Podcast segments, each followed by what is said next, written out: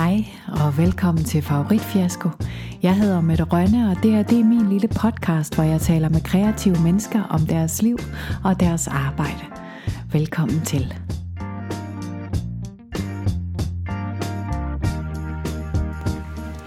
I dag der taler jeg med Hans Rønne. Han er skuespiller, instruktør og teatermager. Han er blevet tildelt en lang række priser inden for teaterverdenen, blandt andet Statens Kunstfonds livsvarige hæderydelse. Han har teatret Teatret sammen med scenograf Gitte Bostrup og har spillet i, instrueret og skrevet en meget lang række forestillinger, som både har vundet og været nomineret til Røgmert-priserne. Velkommen til, Hans. Tak skal du have.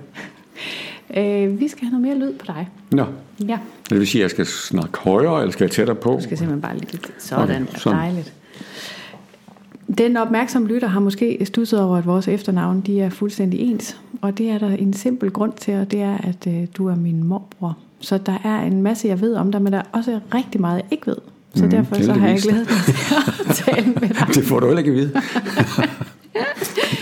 Øhm, for lige at øh, sætte scenen, så mm. havde du i går i optagende stund premiere på din nye forestilling. Det bliver, det bliver koldt om fødderne. Det begynder at det blive begynder at blive koldt om fødderne. Ja. ja.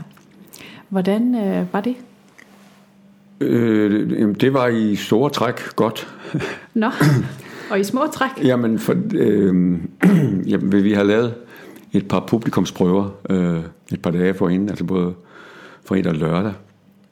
Og fordi det, øh, at det jo så kun var prøver, øh, og der var publikum i salen, og så, så, så, jamen, så giver det sådan en anden frihed, fordi man ved, at det her det er, det, der, det er, ligesom, det er legalt at lave en, en bøf, ikke? Og, mm. øh, så, så, øh, så det bliver sådan lidt mere frit der til de der prøveforestillinger, synes jeg. Mm. Og så til premieren, der kommer alle kolleger, alle venner og hele den påglukkede familie og sådan noget. Og så, øh, selvom jeg synes, jeg var forberedt, så blev- fik jeg alligevel øh, sommerhul i maven, og så, øh, så blev det sådan lidt mere stift og, og tvunget, end jeg egentlig ønskede, det skulle være. Men, øh, men altså, bortset fra det, så... Men du har jo altså, du har noget tid til at løbe den varm på, ikke? Øh, Altså, du har en spilleperiode nu. her. Jo, jo, jo, jo. Altså, jo, nu glæder jeg mig rigtig meget til i aften, fordi nu kommer der jo så et almindeligt publikum. Mm. Og, øh, så jeg tror, vi, øh, vi når jeg siger vi, så er det jo os, der har lavet forestillingen, øh, får meget glæde af den. Altså, mm. Fordi jeg kan mærke, at det, øh, at det er et tema, der fanger rigtig mange. Øh, og allerede her til morgen, hvor jeg ligesom lukkede min mailbox op, kunne jeg se, at der var mange, der havde, der havde øh, skrevet, at det var genkendeligt og øh, relevant og sådan. Så, øh, mm. så jo. Og den handler om at blive ældre og opdage, at man ikke er udødelig, og ja. Så handler den i høj grad om, og grad om livet også. Ja, ja. Ja, for, øh, altså, altså min kone Gitte, som er scenograf og, og, og er en del af vores lille butik, altså hun har jo sagt, at nu være med at lægge for meget vægt på det med alder, siger hun så, fordi altså, hun har været nede hos hendes frisør, som har, som har sagt, jamen jeg kan se i, øh, i avisen, at det er sådan noget for, for ældre, siger hun så, og, øh, så derfor, man, hvis man slår for meget på det, at det, det handler om, hvordan man ældes med, med værdighed og humor og livsmod og selvironi og sådan noget, så altså bare det ord øh, ældre, hvis det, mm. hvis det øh, bliver gentaget for mange gange, så kan det godt skræmme nogen væk. Mm. Og i forvejen er det jo en métier, øh, som appellerer mest til 50 plus. Altså teater i det hele taget. Ikke? Altså mm. selvom, jeg, selvom øh, at der i de her år bliver gjort meget, mange tiltag for at få, få en, en ny generation i teateret. Ikke? Mm. Um, så øh, nu har jeg faktisk glemt, hvad du spurgte om. Ja, du spurgte faktisk ikke om noget, men det gør jeg nu. Øh, er det stadigvæk sådan, at du bliver nervøs? Altså, er det, er det det samme hver gang, eller er, det, er der Ej. mere på spil den her gang, du står Nej, alene på scenen? Altså, nej, jeg var ikke, altså... altså, jeg var ikke nervøs, nervøs. Vel? Altså, men men det, det, det er klart, man, eller det ved jeg ikke, om det er, men altså, man bliver sådan lidt... Øh, det giver lidt kriller i maven, ikke? Altså, mm. Og det tror jeg ikke, det gør i aften.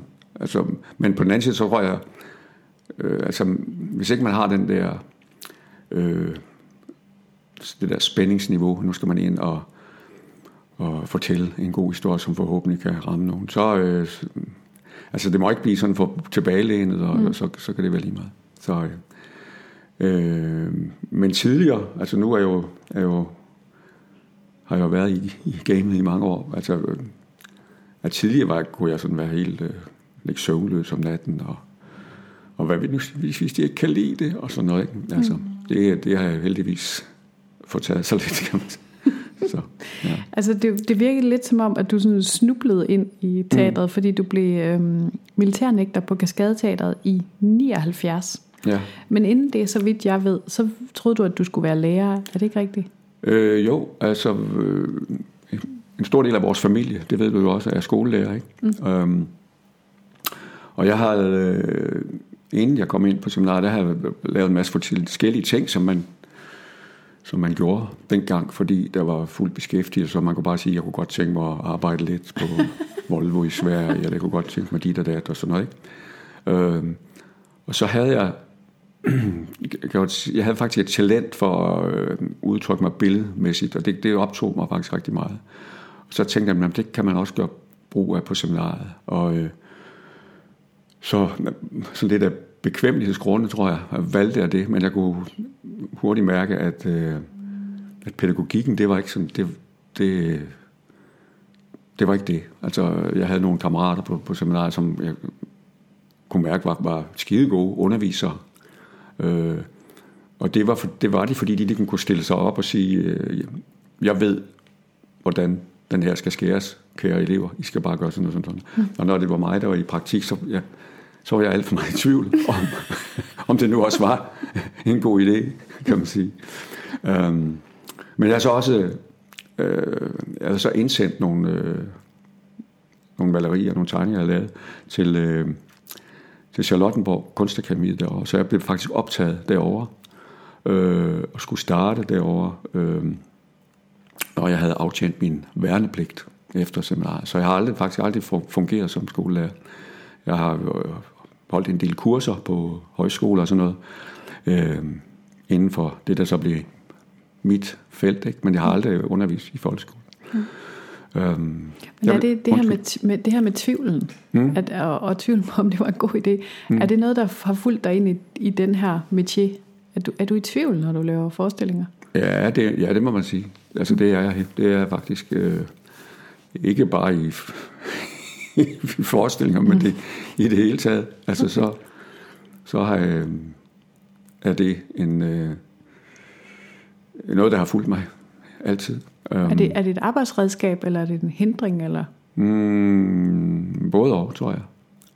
Altså, øh, altså tvivlen kan jo være med til, at man ligesom får, får mange aspekter med af en sag. Ikke? Men øh, gør jo også, at øh, Øh, man måske øh, ligesom undlader at banke i bordet og stå på noget. Altså, øh, øh, jeg kan huske, altså flere gange er jeg sådan blevet kritiseret for, at når jeg har været instruktør, at jeg ligesom har, har, øh, har sagt, det er mig, der bestemmer, nu gør jeg kraftet med, som jeg vil. Altså, når jeg, også, jeg, kan, jeg kan huske for nogle år siden, der, der fik jeg i, i premieregave en megafon af en lysmand. okay. så, så øh, ja. Dengang, at øh, du var på Kaskadeteateret. Mm. Der lavede du en forestilling, der hed Hans Hansen. Mm. Var det den første? Ja, ja. altså den første solo-forestilling. Ja. Det, det var ikke den første, jeg var med i. Okay. Øhm. Hvad var den første, du var med i? Ja, det allerførste, det var, altså, øhm, altså jeg blev jo militærnægter dernede, fordi jeg tog ned til Aarhus i anden anledning, og så så jeg Kaskadeteateret spille en udendørsforestilling på, øh, oppe i Rådhusparken. Ja. Øh, og jeg kan ikke engang huske, hvad den hedder, men de, de, det var sådan, jeg tror, den hed, nej, jeg kan ikke huske det, men det var, alle var med. Øh, og, øh, og den var faktisk meget fysisk. De skøjtede rundt på en, i nogle sæbespåner og, og, og lavede koldbøtter og tjuhaj, og jeg synes, det var sådan meget fysisk og meget billedmæssigt også, så derfor øh, øh, spurgte jeg dem, om, om, om ikke de kunne oprette sådan en militærnægterstilling. Og det ville de gerne. Og så, øh, og så kom jeg så til at træne sammen med dem, og fordi øh, at jeg at min far havde lært. Øh, jeg var faktisk en habil gymnast på det tidspunkt. Øh, og de der skuespillere, de skulle først til at lære det som voksne, og hvordan man slår en koldbøtte og sådan noget. Ikke? Så, så, så jeg var faktisk et hest ud foran dem, og kom til at træne, sammen, træne dem i, i, i, i fysisk udfordring. Og, øhm, og sådan i slutningen af min militærnægtertid, der skulle øh, truppen så på en, øh, en turné til, til øh, Sydeuropa, fordi lederen Jan Torp, han havde været mange år på Odense som turnéleder, han havde en masse erfaringer dernede. Og så spurgte de, om ikke jeg ville være med i, i, i den forestilling der. Øh, så jeg var med på sådan en, en længere tur sydpå. Og, øh, og det var jo fantastisk, altså øh, holde det op og spille på, på sådan en La Nunità-fest øh, i Italien en aften kl. 11, hvor cikaderne sang, og, mm. og, øh, og folk var ellevilde.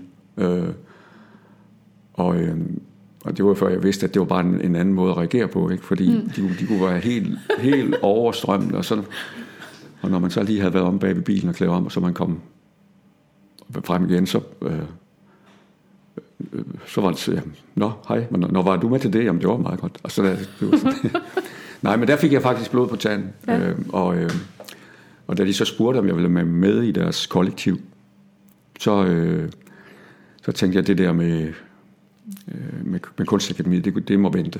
Mm. Altså jeg spurgte, om jeg kunne få udsættelse et år, det kunne jeg ikke, men jeg kunne søge igen og sådan noget. Mm. Og så kom jeg med i deres øh, kollektiv, og, øh, og så var jeg med i, jeg lavede en lille børneforestilling med Annie Bjørn, kan jeg huske. Jeg kan ikke huske, hvad den hed. Men, var øh, Annie Bjørn en del af Kaskadeteater? Hun var, hun var, ja, hun havde øh, læst dramaturgi, Nå, og det, det havde øh, Gitte Christensen også. Mm-hmm. Brigitte. Mm-hmm. Øh, som øh, nu er flyttet tilbage til Danmark og har været leder af det, der hedder Utopia ude ja, netop. i Gellerup ja, i Aarhus. Ja, ja. Ja. Og det var faktisk, øh, altså der opstod jo rigtig mange gruppeteater der i den periode der. Og det var meget, øh, altså folk, som havde lyst til at udtrykke sig øh, teatermæssigt, men ikke øh, kunne komme ind, eller ikke øh, var kommet ind på en teaterskole. Mm. Så var der mange, der, der læste dramaturgi, øh, ikke fordi dramaturgien som sådan var det mest vigtige for dem, men fordi det var en, en måde ligesom at, at komme til at, at, at arbejde med noget teater. Ikke? Mm. Så øh, ja. Har du, du har aldrig overvejet, om du skulle søge ind? Øh, nej, nej, det har jeg faktisk ikke. Fordi, øh, altså før jeg kom der på Kaskade, så havde jeg aldrig skænket teater en, en, en tanke. Altså vi så, øh, jeg tror vi så øh, inden for murene øh, anden juledag i sort-hvid tv derhjemme med klar på top i den. Øh, det, det var sådan set det nærmeste. Mm. Øh, så. Jeg, jeg har talt med øh, nogle af dine kolleger, mm-hmm. fordi det er altid en god måde lige at få sådan lidt, lidt okay. baghåndsviden. Og blandt andet så har jeg snakket med Uffe Rørbæk, ja. som er skuespiller og manuskriptforfatter. Og så, har han, så var han en del af De Nattergale, dengang de eksisterede. Det ved jeg faktisk ikke, om de gør stadigvæk.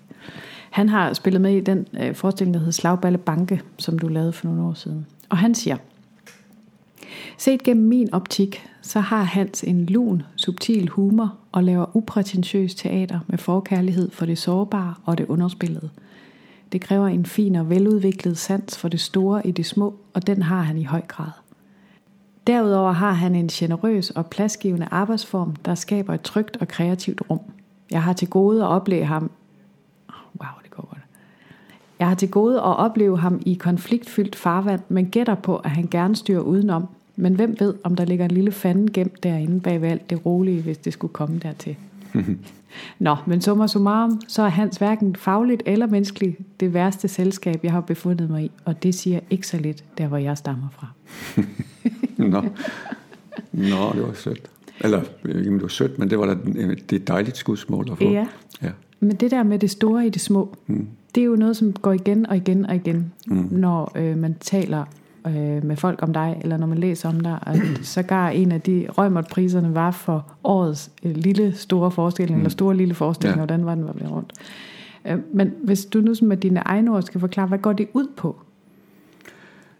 Øh, jamen, jeg kan godt huske den der røgmåt øh, uddeling, øh, hvor vi fik den der pris for det, det, det, den der, det hed Det Store i det Små.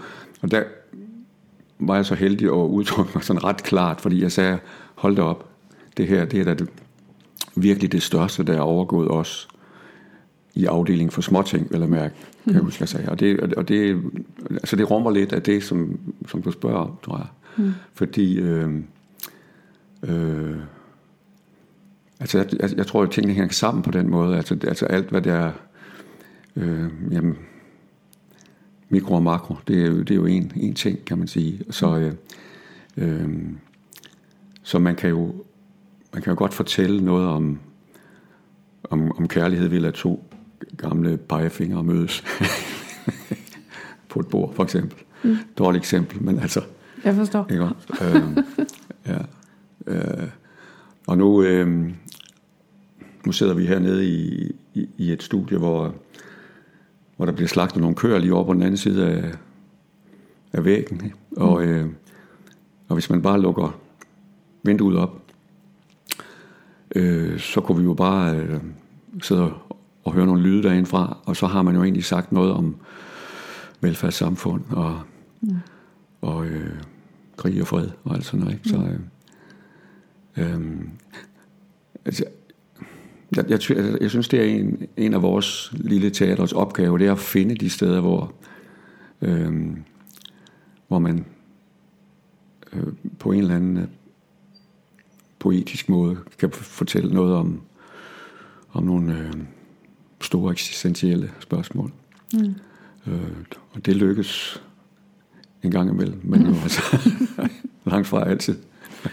Men det er altid, det er som om, at de forestillinger, I laver, de kredser på et eller andet plan om sådan øh, det uformående menneske. Ja, men det har jeg også, jeg kan også huske, at jeg, jeg har sagt engang, øh, hvor jeg blev spurgt, hvad, hvad handler eller kan du, blive, kan du blive ved med at forny der tror jeg, jeg bliver spurgt om. Og så, mm. så det, tænker jeg, altså det tænker jeg faktisk aldrig på, eller det, det tænker jeg aldrig over, fordi altså, alle forestillinger handler stort set om det samme. Altså, mm.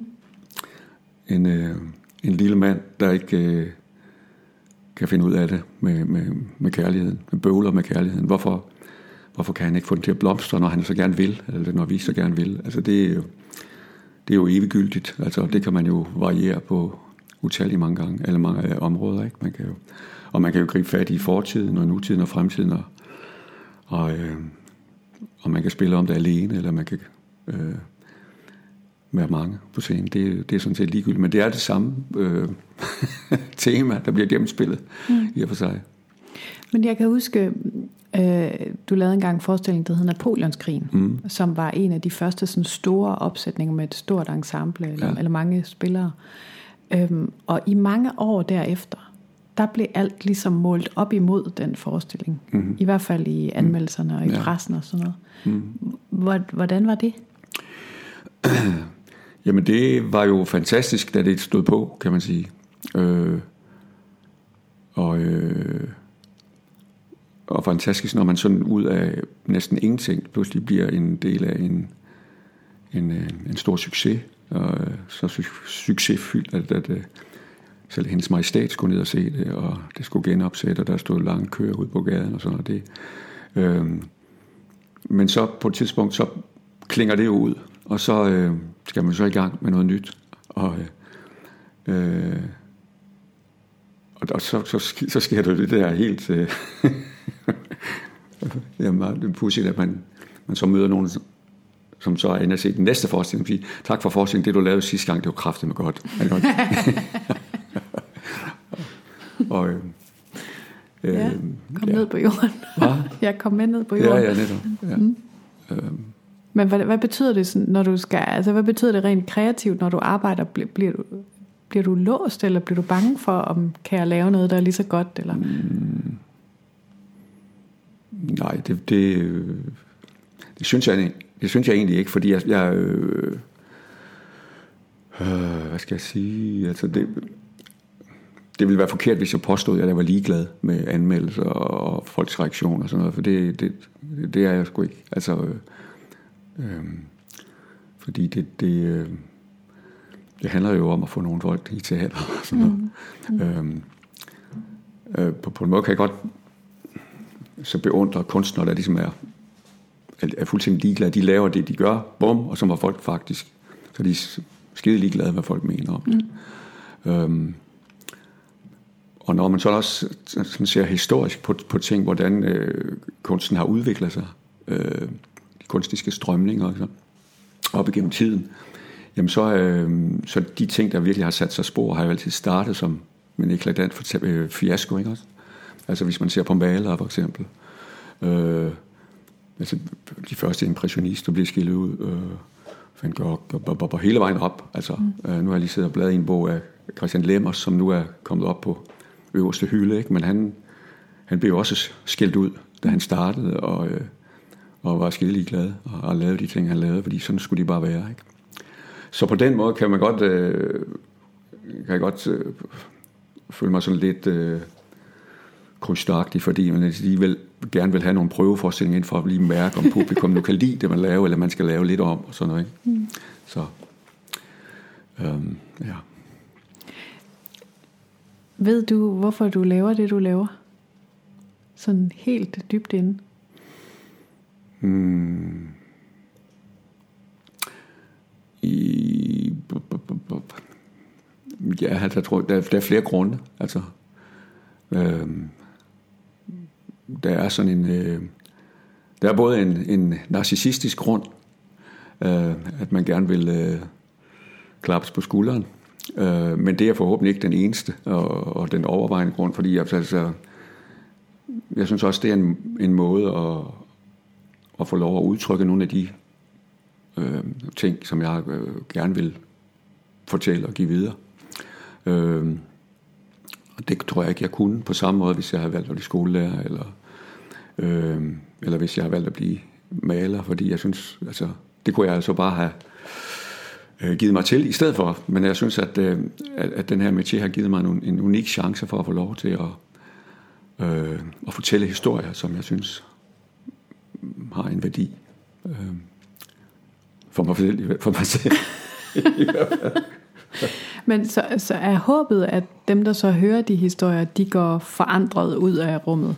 Ah, det er, sgu, det er store, store ord. Okay. Altså, de kom ind og så en Hans Rønne forestilling, så gik de fuldstændig forandret ud. Jeg ikke på den Men så han rykket en centimeter? Ja, eller? en centimeter, ja. Ja, ja, ja altså...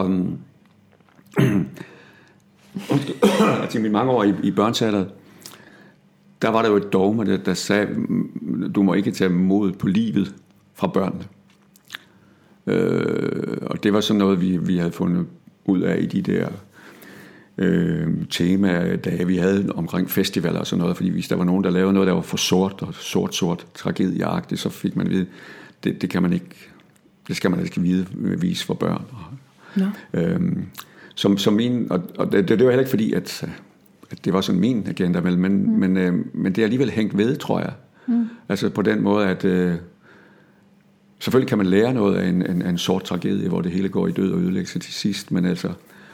Øh, men jeg tror alligevel, at mit livssyn skinner igennem. Jeg synes, at det, det må godt, øh, der må godt være øh, altså en masse konflikt, en masse sorg, en masse vrede og sådan noget, men, men der, der, jeg kan godt lide, hvis det er et lille håb at gå ud med. Mm. Øhm, og, øh, og det tror jeg også er tilfældet med, med det her stykke, jeg lige har lavet. Mm. Øh, selvom det handler om, øh, om døden. Mm. Det er, jo, det, er jo, det er så dejligt at høre, fordi jeg, jeg har sådan i lang tid øh, sagt højt til alle, der vil lytte, at jeg synes, at dansk teater i lang tid, altså måske nogle år i virkeligheden, kun har peget på alt det, som er i vejen, mm. og som er galt, og som mm. vi skal være bange for, mm. uden netop at have den der lille øh, stråle mm. af lys, mm. som man kunne mm. tage ved. Og så det er virkelig, virkelig dejligt. Altså det savner jeg sådan, når jeg går ind og ser teater. Okay, ja. Øh, jamen altså, man kan, hvis man gerne vil påvirke publikum, kan man jo godt gøre det. Man kan jo gøre det på to måder. Man kan jo godt lave noget, som folk siger, uh, uh, jeg skal passe på, jeg ikke gør de samme fejl, som jeg lige har set op på scenen. Ikke? Mm.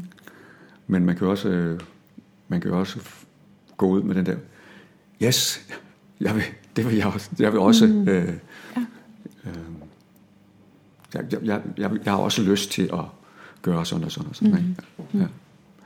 Nu, nu sagde du lige børneteater der, øh, fordi i, i starten, da I lavede teatret i mm. 84 sammen med Gitte, mm. øh, der, der lavede I nemlig primært børne og unge forestillinger, mm. og mange af dem var ordløse. Mm. Hvad var det, det kunne? det, øh, altså igen var det, det var ret tilfældigt, altså, at de lige havnede der øh, på, på øh, Kaskadeteater, som jo havde, ligesom havde, havde det som sådan en, en form, de havde øh, udviklet. Og det var jo det, jeg mødte, da jeg kom, øh, kom til Aarhus her. Mm-hmm.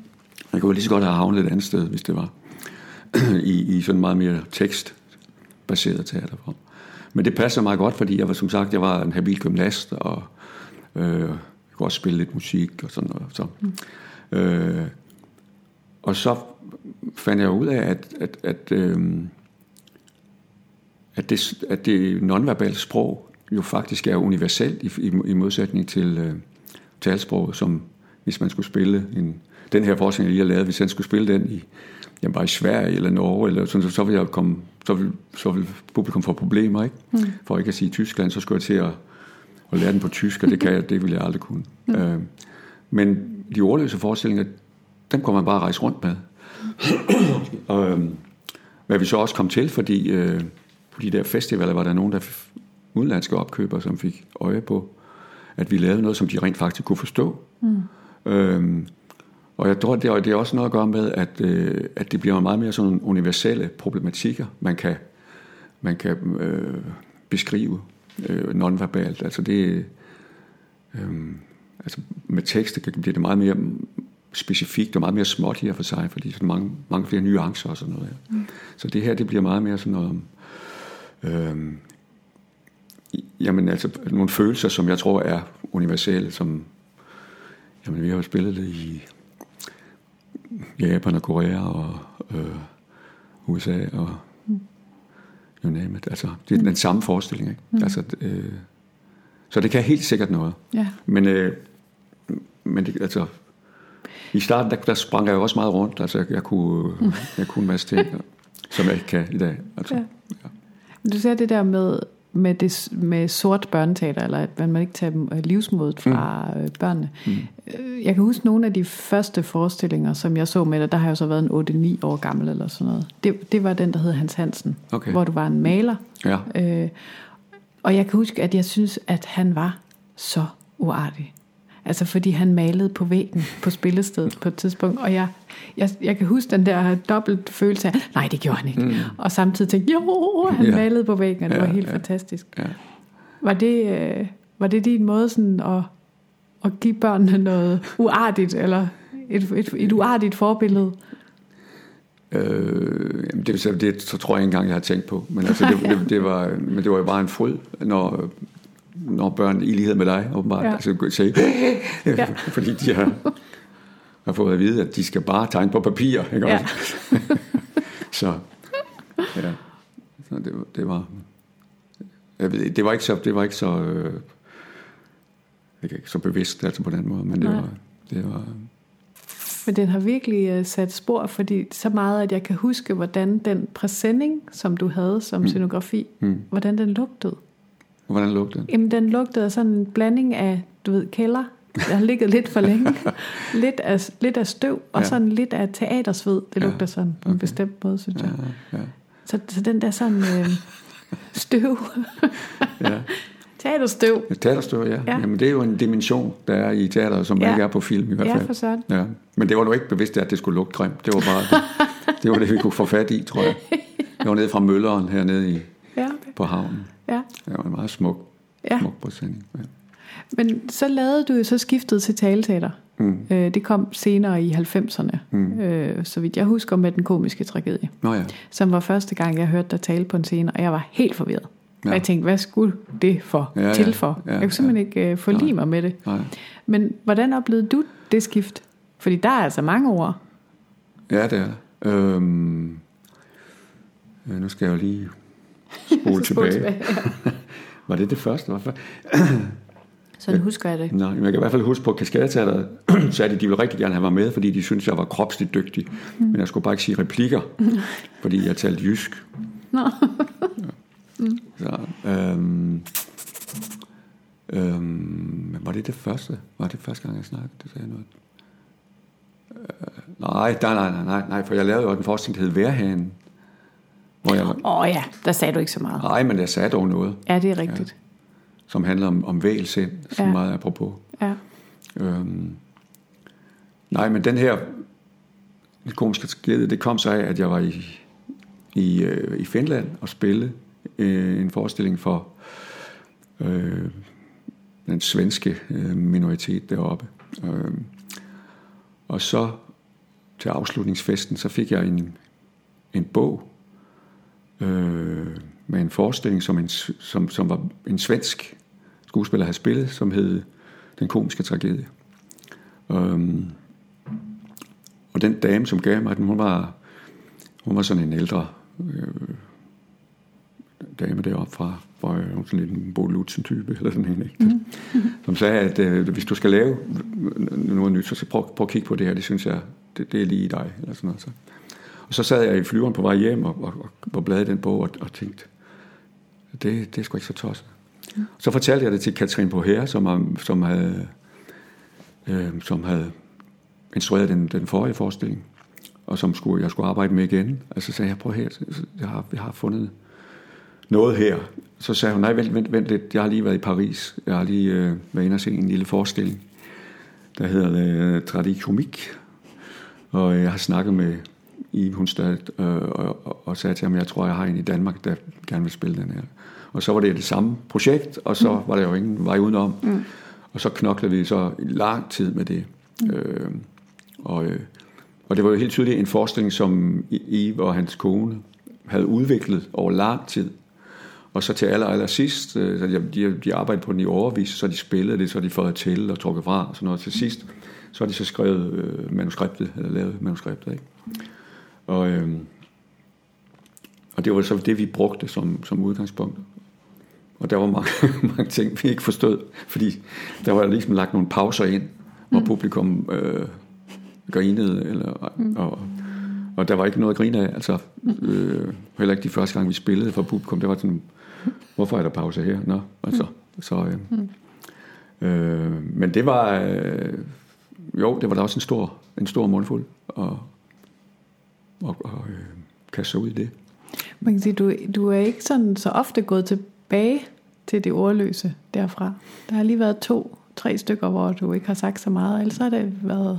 Jamen, vi lavede jo, så lavede vi jo en, en, øh, en, en klovneforestilling. Øh, det var jo, ja, hvad er det? Det er jo sgu mange, mange år til. Tiden går jo. Jeg har altså ikke lige overstået Nej, nej. men, ja, men øh, den hed August. Ja, og den var jo da til nærmelsesvis ordløs, kan man sige. Øh, men det er fordi, det har, det har jo hele tiden ligget, ligget der øh, som sådan et, øh, altså kloven, altså jeg snakker ikke om, om, om, om den rødnæse pausekloven, men altså om kloven i livet, ikke?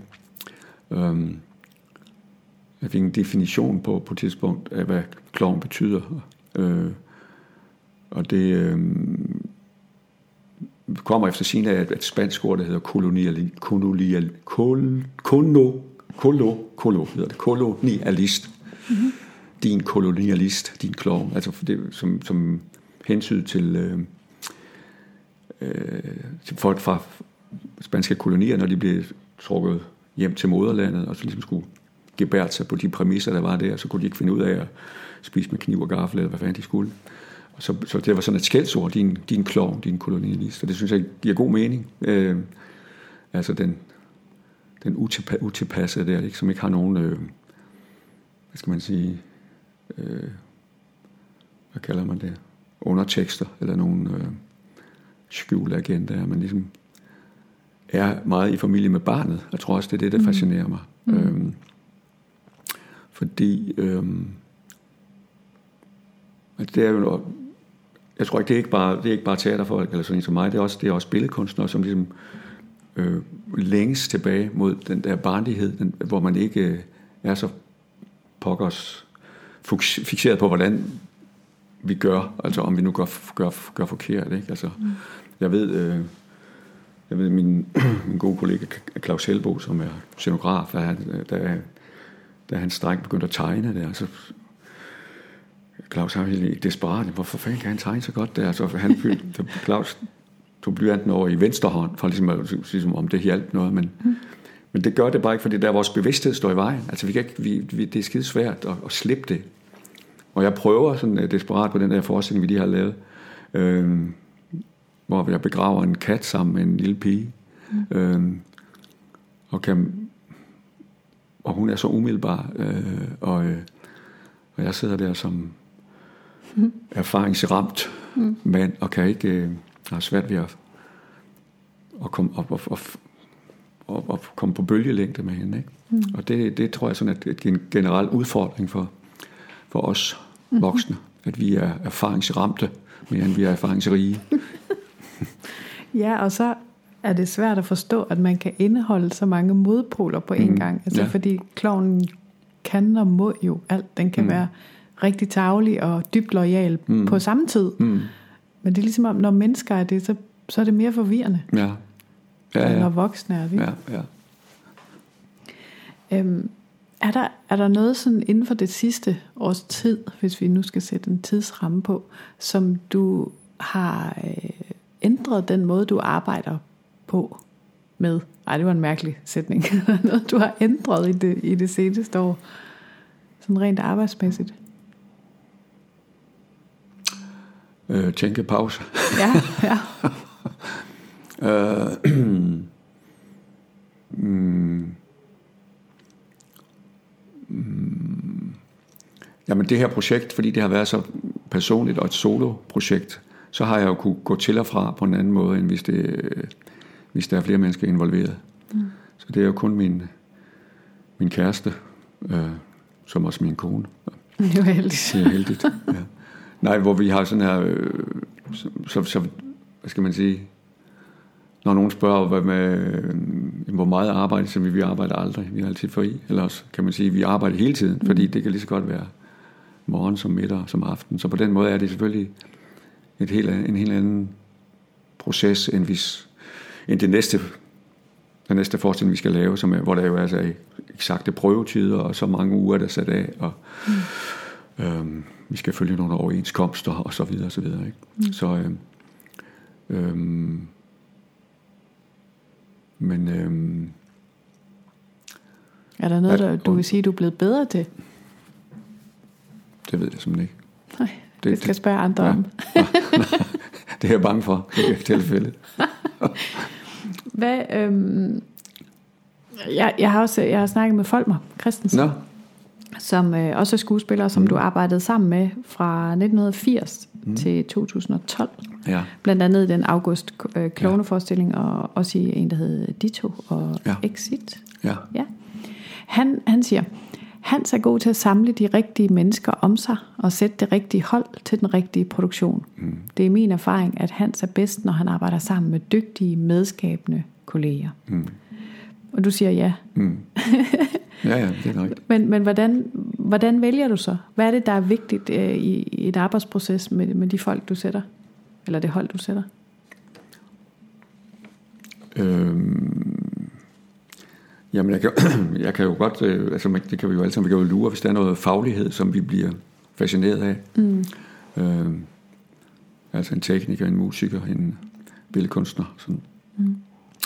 Øhm, men derudover så... Øh, så, øh, så er der også nogle menneskelige egenskaber, som jeg sætter meget højt, altså som, som skal være til stede, kan man sige. Mm. Øhm, og øh, ja, og det, det er mindst lige så vigtigt. Altså, øh, øh, jeg har det svært med nogen, der, der synes, de er for meget verdensmestre, kan man sige. Så, øh, så øh, så det hører også med til udvælgelse. Du er simpelthen så jysk. Hvad? Du er ja. simpelthen så jysk. Ja, det er jeg. er jo jysk for fanden. ja. ja. Øhm. Men jeg forstår det nu godt. Jamen det, det er jo ret utroligt, fordi jeg hører tit, at nogen, nogen siger, når de har sådan øh, ansat en, en instruktørassistent for eksempel, for det, det er ret vigtigt, man har sådan en, specielt når man kommer op i min alder, man ikke kan huske, hvad man lavede i går, ikke? Mm. og jeg har, jeg, jeg har haft rigtig mange, øh, og de har altid været skide gode, og de har altid været enormt øh, dejlige at arbejde sammen med. Og jeg hører så mange øh, kollegaer sige, at ah, hvis de bare har haft en anden øh, assistent, som de som ikke, øh, og så videre, så videre, så videre. Og det, øh, det ved jeg, jeg ved ikke, jeg tror, det er fordi, en, vælger over en kop kaffe nede i Barrasso, og så sidder vi og snakker lidt om, hvor de kommer fra, og hvad, og så videre. Ikke? Så, det, så, så, vi er, lidt, så vi er som regel på bølgelængde, når vi starter. Øh, øh, det kan godt være noget slud, jeg sidder og siger nu, men altså. øh, Nej, men det fortæller noget om din arbejdsmetode. Ja. Når du, når du skal til at lave... Nej, men folk må have ret på den måde, altså, og det har jeg altid sagt, når, når, fordi øh, når vi er sådan en lille butik som vores, så er det jo mig, der eksponerer hele tiden, og det er mig, der ligesom bliver fremhævet. Som, ikke også? Og, og, øh, og selvom det er små produktioner ofte, så er det jo altså fælles anlægner. Mm. Det kan godt være, du synes, jeg lyder lysk, men altså, øh, altså jeg kunne ikke lave det her øh, uden, uden Gitte, og uden Paul, og uden øh, Lars. Altså, øh, så, øh, og jeg har ofte sagt, at det er sådan en, en af mine kvaliteter, det er, at jeg er god til at omgive mig med, med gode folk, og det er også det, folk mig han refererer til her. Mm. Ikke? Øhm, så, så, så uanset hvor små forskningen er, så er, så er det jo altså en kollektiv proces. Mm. Ja. Når, du, når du skal starte et, et nyt projekt, øh, en, en, nu ved jeg, det er selvfølgelig forskelligt, om det er en monolog, som den du har arbejdet mm. med nu, eller det er en større ensemble forestilling. Men hvordan, hvordan starter det? Altså helt i start? Ja. Det starter med bakterierne. ja. ja. Nej, men det, øh, min gode ven Jens Kepni Christensen, som er en ung skuespiller, han har sådan et begreb, der hedder simre-tanker. Ja. Og det er sådan nogle tanker og idéer, som slet ikke er flyvefærdige nu, men som bare ligger og roder. Mm-hmm. Øh, hvor de kommer fra, og hvad, hvad det skal blive til, det er slet ikke, det er slet ikke øh, defineret endnu. Øh, så det kan komme, det kan være, at jeg går, når jeg går herfra, så tænker jeg, det kunne være sjovt at lave en forestilling om, om to, der sidder og snakker i sådan et, et rum hernede i slagteriet. og snakker om noget helt andet, mens der, bliver, mens der er død og ødelæggelse udenom. Mm. Øh, så det starter som regel med sådan en meget, meget flyvske tanker. Og så er, så er vi så heldige, at vi har en administrator, som, er, som altid har ja-hatten på. Fordi det er jo tit, hvis... Eller det ved jeg ikke, men altså... Om det er tit, for det kan jeg jo ikke udtale mig om. Men jeg har bare øh, hørt nogen sige, når de kommer øh, med en idé til en bestyrelse eller en administrator, sige, jamen hvad koster det, og hvor mange regner jeg med at tjene på det, og sådan noget. Mm. Det, gør hun, det gør hun jo aldrig. Hun siger, jamen hvis... Ja, jeg, jeg, jeg tjener ikke 100% på ideen, men det er jo også lige meget, det er jo ikke mig, der skal lave det, siger hun så. Så, så, øh, så det starter som regel med sådan nogle meget luftige idéer. Ikke? Mm. Og så er vi jo også, øh, vi bliver støttet af, af, af Teaterrådet eller Kunst, Kunststyrelsens projektstøtteudvalg. Mm. Og de giver støtte i et år gang. Øh, og nogle gange to år, og i bedste forstand tre år i gang. Men det gør de jo på baggrund af nogle projekter, som er legnet op. Mm. Det er ikke sådan, de siger, værsgo, have nogle penge. Mm. Men vi, så vi, øh, øh, lægger jo nogle af de idéer frem, vi har, og så øh, tager vi kontakt med nogle mennesker, som siger, kunne I tænke jer være med til at realisere det her, hvis vi får nogle penge? Mm. Og så sender vi det ind, og, øh, og så får vi ikke alle penge, men får vi nogle af dem, og så øh, må vi se, om vi kan øh, finde nogle andre legekammerater, som har nogle økonomiske muskler. mm-hmm. så, øh. Men det må være meget forskelligt fra der, hvor det ligesom startede, ikke? Altså hvor du nærmest cyklede på turné. Hvordan er, hvordan er forskellen i arbejdsmetoden fra, fra starten, hvor der måske var noget mere frihed, men mindre penge? Nej, men jeg synes ikke, jeg synes ikke, øh, forskellen er så stor. Altså, okay. den forskning, vi lige har lavet, der startede vi prøver på forsøgsstationen i København, som er sådan et, øh, en gammel biograf, som er blevet til sådan et slags kulturhus, hvor, hvor man kan lege lokaler til teater, dans og sådan noget. Ikke? Og det er et dejligt sted, men det er altså virkelig sådan scruffy. Altså det, det, det er sådan et, et prøverum, som minder om det, vi sidder i nu. Altså, mm. øh, og øh, der er ikke noget storhed i det, og vi skal selv være skuld, og vi skal selv øh, mm. tørre op efter os og alt sådan noget. Ikke? Så, så det er ikke øh, anderledes. Øhm, øh, det- altså det der er anderledes, det er, at i modsætning til gamle dage, hvor jeg spillede på øh, skoler og institutioner, hvor det var en skolelærer eller lærerinde, der, der syntes, det var en god idé, at jeg kom og lavede teater. Og alle børnene var stort set ligeglade, kan man sige. Ikke? hvor det tit var op ad bakke. Altså, hvor man tænker, på vej hjem, siger vi, yes, jeg, jeg vandt i dag, eller sådan De bliver siddende, det var færdigt. Eller sådan. Altså, så er det jo virkelig et, et, et privilegium, at, at, at folk har købt en billet, mm. og, øh, og, øh, og har nogle forventninger, og sidder stille og har slukket deres mobiltelefoner og sådan noget. Og, mm. så, øh, så det er måske den største forskel. Ja. forskel. Øh, vi har været sådan en lille smule inde på det, at, øh, at der måske var en del af dig, som, som gerne ville have, at folk trods alt godt kunne lide, mm. øh, hvad du lavede. Men hvordan oplever du det, du det, når der er nogen, der ikke kan lide det, du laver? Jeg ved godt, at vi som samfund ikke så tit går hen og siger direkte, ej, det var ikke særlig fedt, det der. Nej, men det kan man jo... Øh, det kan man jo meget, meget tydeligt spotte, når man står på scenen. Hvordan er det? Jamen, det er, ikke, øh, det er jo ikke så rart. Altså, og jeg er frygtelig, øh, en frygtelig kryster, altså, fordi altså, når jeg selv instruerer nogen, øh, jeg kan huske, at jeg lavede en, en forestilling sidste år, der hed Muleum, hvor, hvor Marie Mondrup stod på scenen. Og efter en forestilling, hvor jeg, øh, jeg kan huske, om det var premieren, eller dagen efter premieren, hvor jeg kom ned og satte hende, ej, det gik godt, eller sådan noget. Så sagde hun, synes du? Altså, der sad en på første række, han sad og sov, eller sådan noget, ikke? Så, og hvor jeg så siger, jamen, det skulle du da bare skide på. Der, der, der sad 100 mennesker, som var vildt optaget. Mm. Så fuck ham, altså. Øh, når jeg så selv står der, og jeg ser, at der er en, der lige tjekker sin mobil, eller sådan noget, så, så, så bliver jeg sådan helt, altså fo- fokuserer jeg kun på ham, og siger, hallo. Og så, altså, så det er jo bare et øh, tegn på, at man er død forfængelig, og, øh, og, øh, og gerne vil elskes. ja. Så det betyder lidt. Det betyder, det betyder meget lidt, eller lidt meget. Øhm, Jeg har, jeg har talt med, med Anna Ur Kornøj. Ah. Udtaler man det sådan?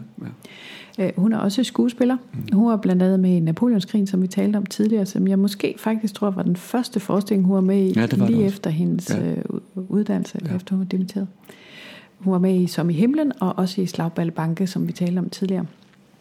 Og hun siger, under en produktion har Hans en evne til at gøre ingenting og alting på samme tid. En idé har brændt sig fast i hans hjerte, og uden så mange ord siver denne stemning ud til alle os andre, så vores hjerter også begynder at brænde og arbejde i den retning. Jeg tror ikke, han føler sig som den store teaterguru. Det er ligesom bare sådan, han kan finde ud af det. Han har stor respekt for den individuelles eget arbejde og vil nødig forstyrre det, som opstår.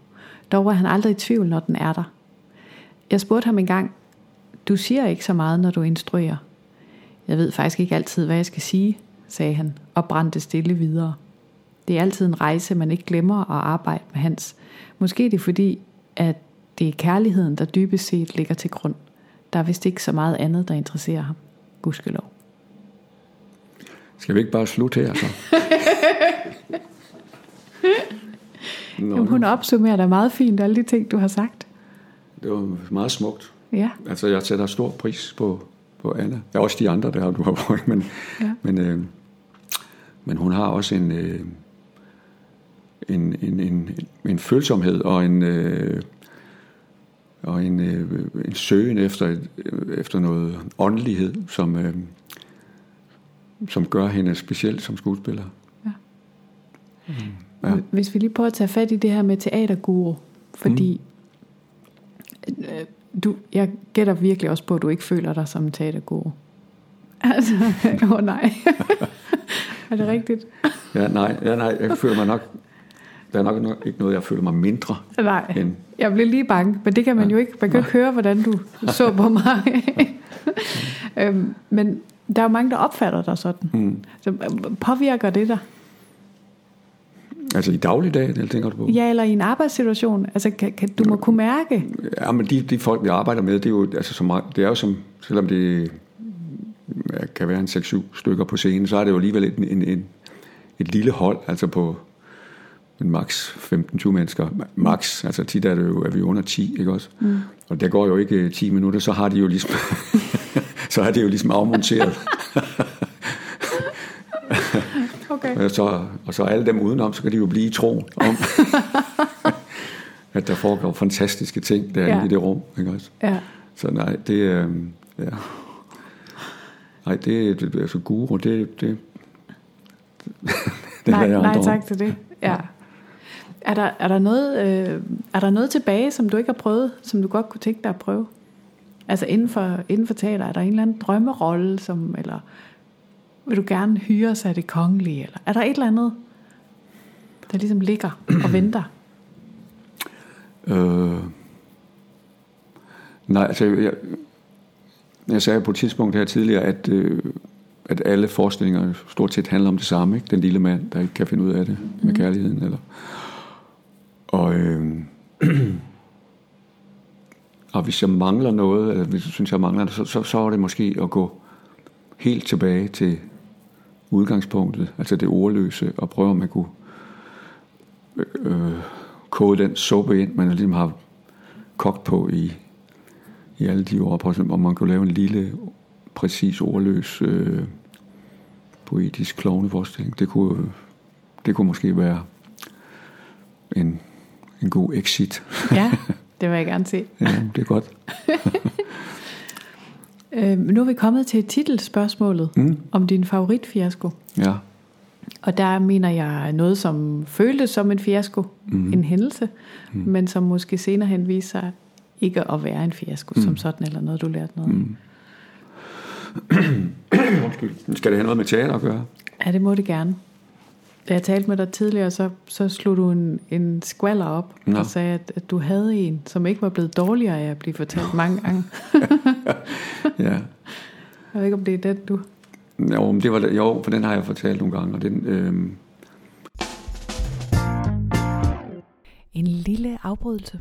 Ved du godt, at Danmark har fået en slags Netflix på podcasts? Det hedder Podimo, eller Podimo, eller hvordan man nu vælger at udtale det.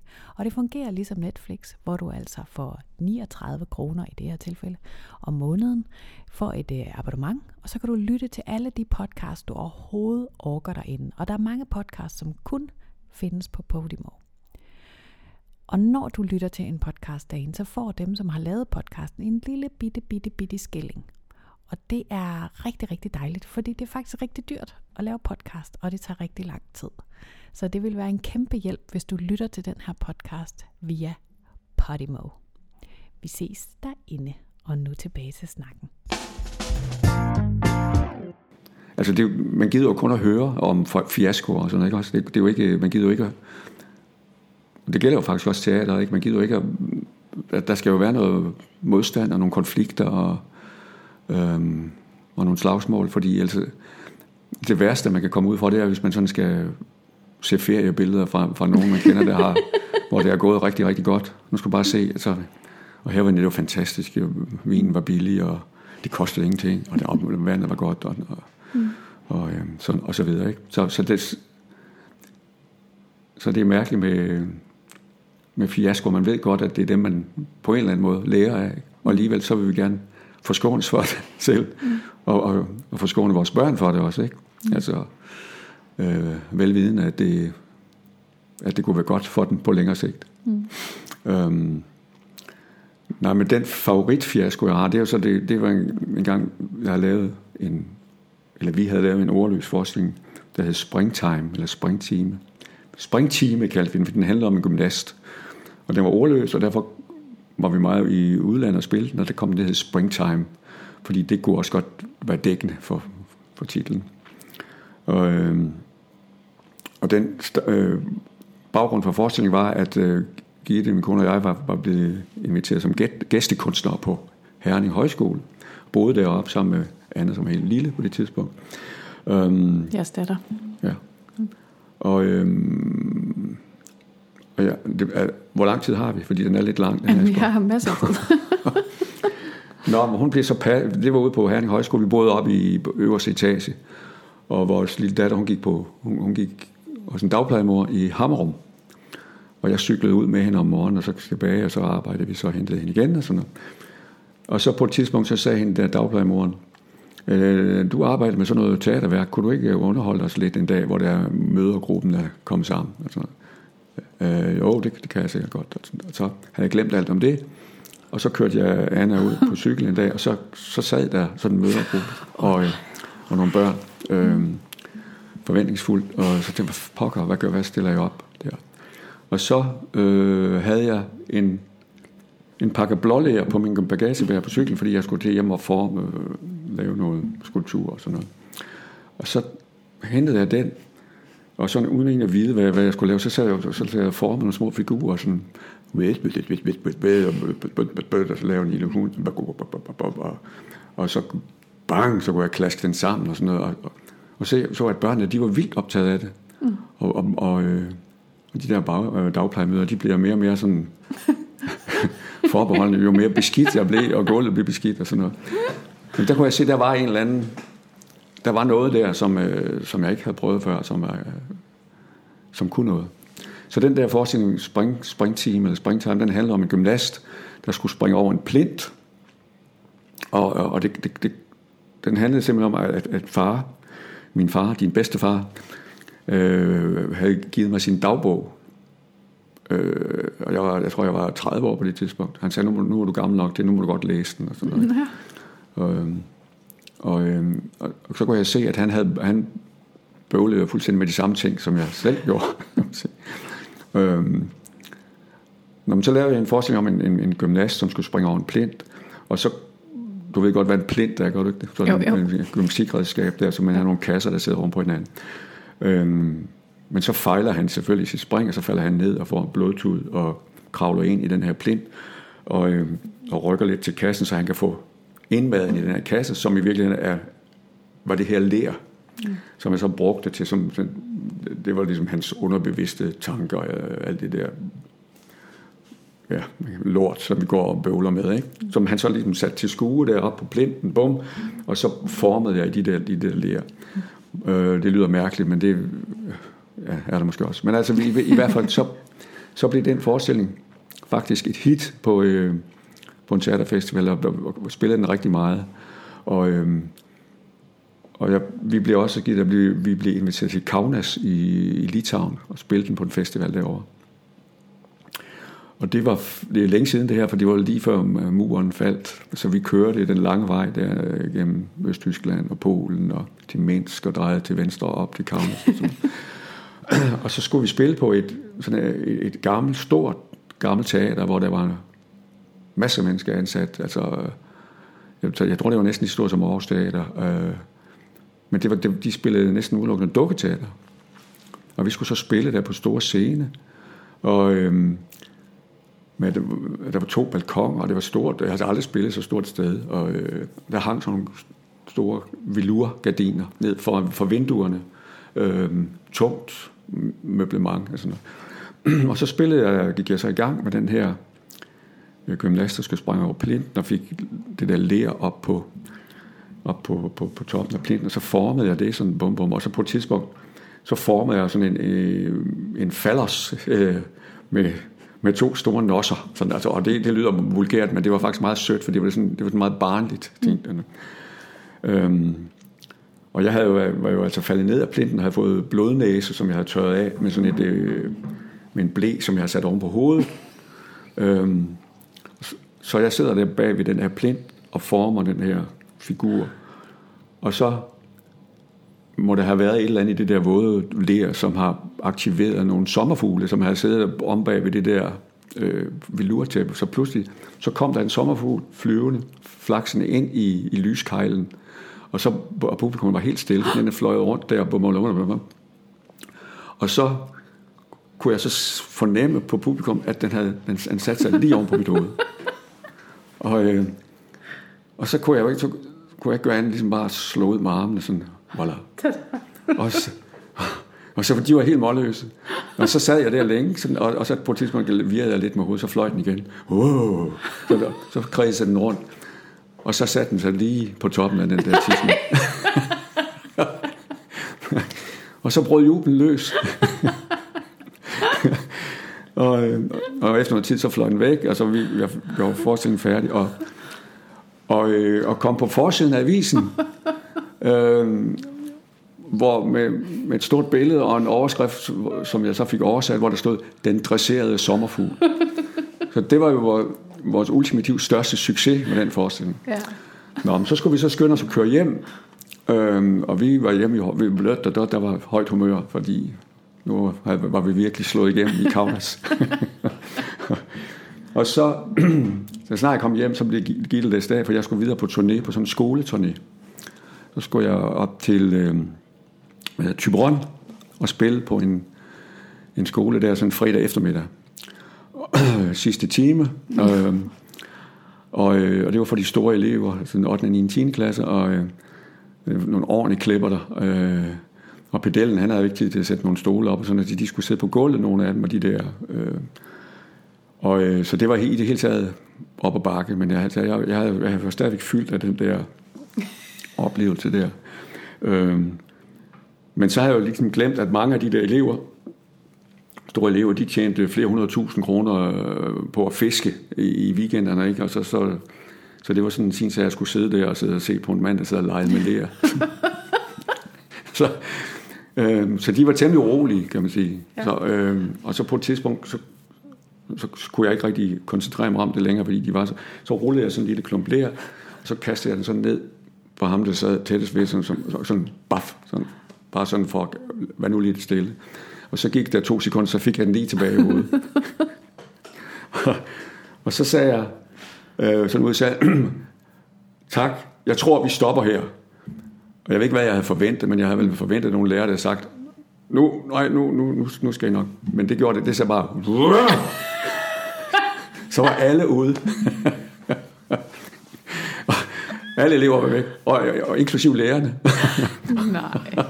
og så, øh, så måtte jeg til at pakke det hele sammen, lys og det hele, pakke det hele ned og, øh, og hente bilen og bakke den hen til gymnastikstanden, så bære det hele ud. Og så, da jeg næsten var færdig, så kom der en af de gutter, der havde været inde og se forestillingen. Så var han kørende hen ad sportspladsen på sin knallert. Og så stoppede han op lige for enden af bilen. Øh, og så kiggede han ind i det der, så sagde han, Nå, ja, det er virkelig nødvendigt, men så man en kasse for at lave sådan en gylde. og så kørte han. Og så, så, så der kan jeg huske, at jeg øh, kørte ind til sådan en servicestation, så ringede jeg hjem til Gitte og sagde, om ikke øh, hun ringer over på Røde Højskole for at høre, om der stadigvæk var brug for, for en højskole der. så, ja. Oh, ja. shit, Så øh, tingene går ikke ind i himlen, Nej, og det er måske meget godt. ja. Ja. Amen, det er jo det er jo også i, i forhold til det, du sagde tidligere, ikke med den der forskel med, om folk selv har valgt at se teater, ja, eller ej. præcis. Det er jo Ja. ret, øh, ja. ret tydeligt. Nå, tak for det. Jamen velkommen. Nu, øh, nu er der lige så nogle hurtige spørgsmål Okay. tilbage. Oh, Og, ja. oh. Nej, øh, ikke, ikke stress. Hvis du har et, et godt langt svar, så kommer du bare med det. Okay. Det første er, hvilket råd vil du give en person, som gerne vil være skuespiller? Hvor lang pausen må, må, må pausen være? Vi kan godt klippe pauser ud. Øhm.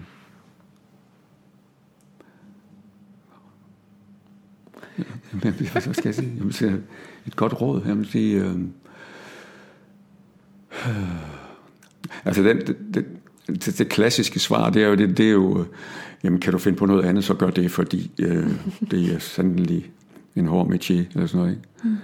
Mm. Øhm, jeg kan også sige, tillykke med det. Det, det skal nok blive godt. Det er skide godt. Go for it. Ja. Ja.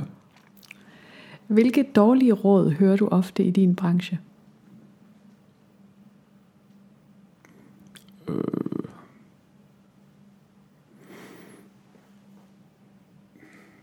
Jamen, jeg hører jo øh, dårlige råd. Mm. Jamen, det er måske det, jeg lige har nævnt. I virkeligheden. Begge to. Hvad? Begge to. Nej, nej, det der med, at, øh, nej, det der med, at øh, øh, I, du skal endelig ikke gøre det, fordi øh, det er kun, hvis du vil det 100%, fordi ellers så er det en frygtelig métier. Altså, mm. øh, altså vi skal for fanden, vi skal da lære vores fejl. Altså hvis, hvis, hvis unge mennesker har lyst til at kaste sig ud i den jungle, det er, altså så, øh, så må vedkommende jo gøre det, og så øh, er det ikke sikkert, det lykkes. Øh, og så må man jo finde på noget andet. Øh. Altså jeg har været, øh, jeg har været utrolig heldig og privilegeret, øh, og, og jeg synes, øh, med det beskedende talent, jeg er øh, udstyret med, så... Øh, jamen, det, du, du har selv sagt, så har jeg nærmest blevet fået ikonstatus. Det er da helt utroligt. Så hvis det kan lykkes for mig, så kan det sikkert også lykkes for nogle andre. ja. Hvad er det bedste råd, du har modtaget i dit øh, private liv, eller personlige liv?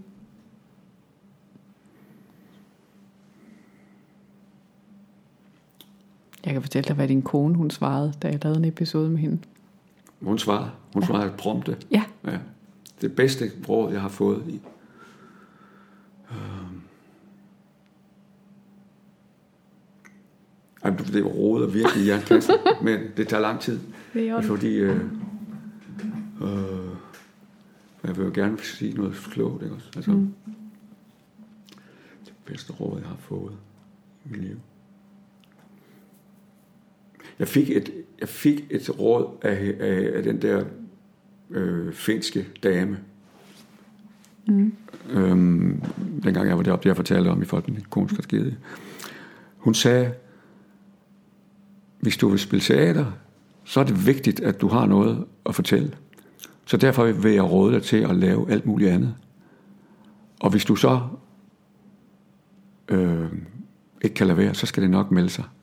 Det synes jeg var godt, fordi øhm, fordi dengang, så det, jeg, jeg tror jeg bare, jeg synes, det var sjovt at være med, så var det så til ligegyldigt, hvad fanden vi lavede, men altså, så, øh, så det var i hvert fald et godt teaterråd. Mm. Øhm, ja. Har du et, et motto, som du lever efter, eller et citat, som du sådan ofte vender tilbage til?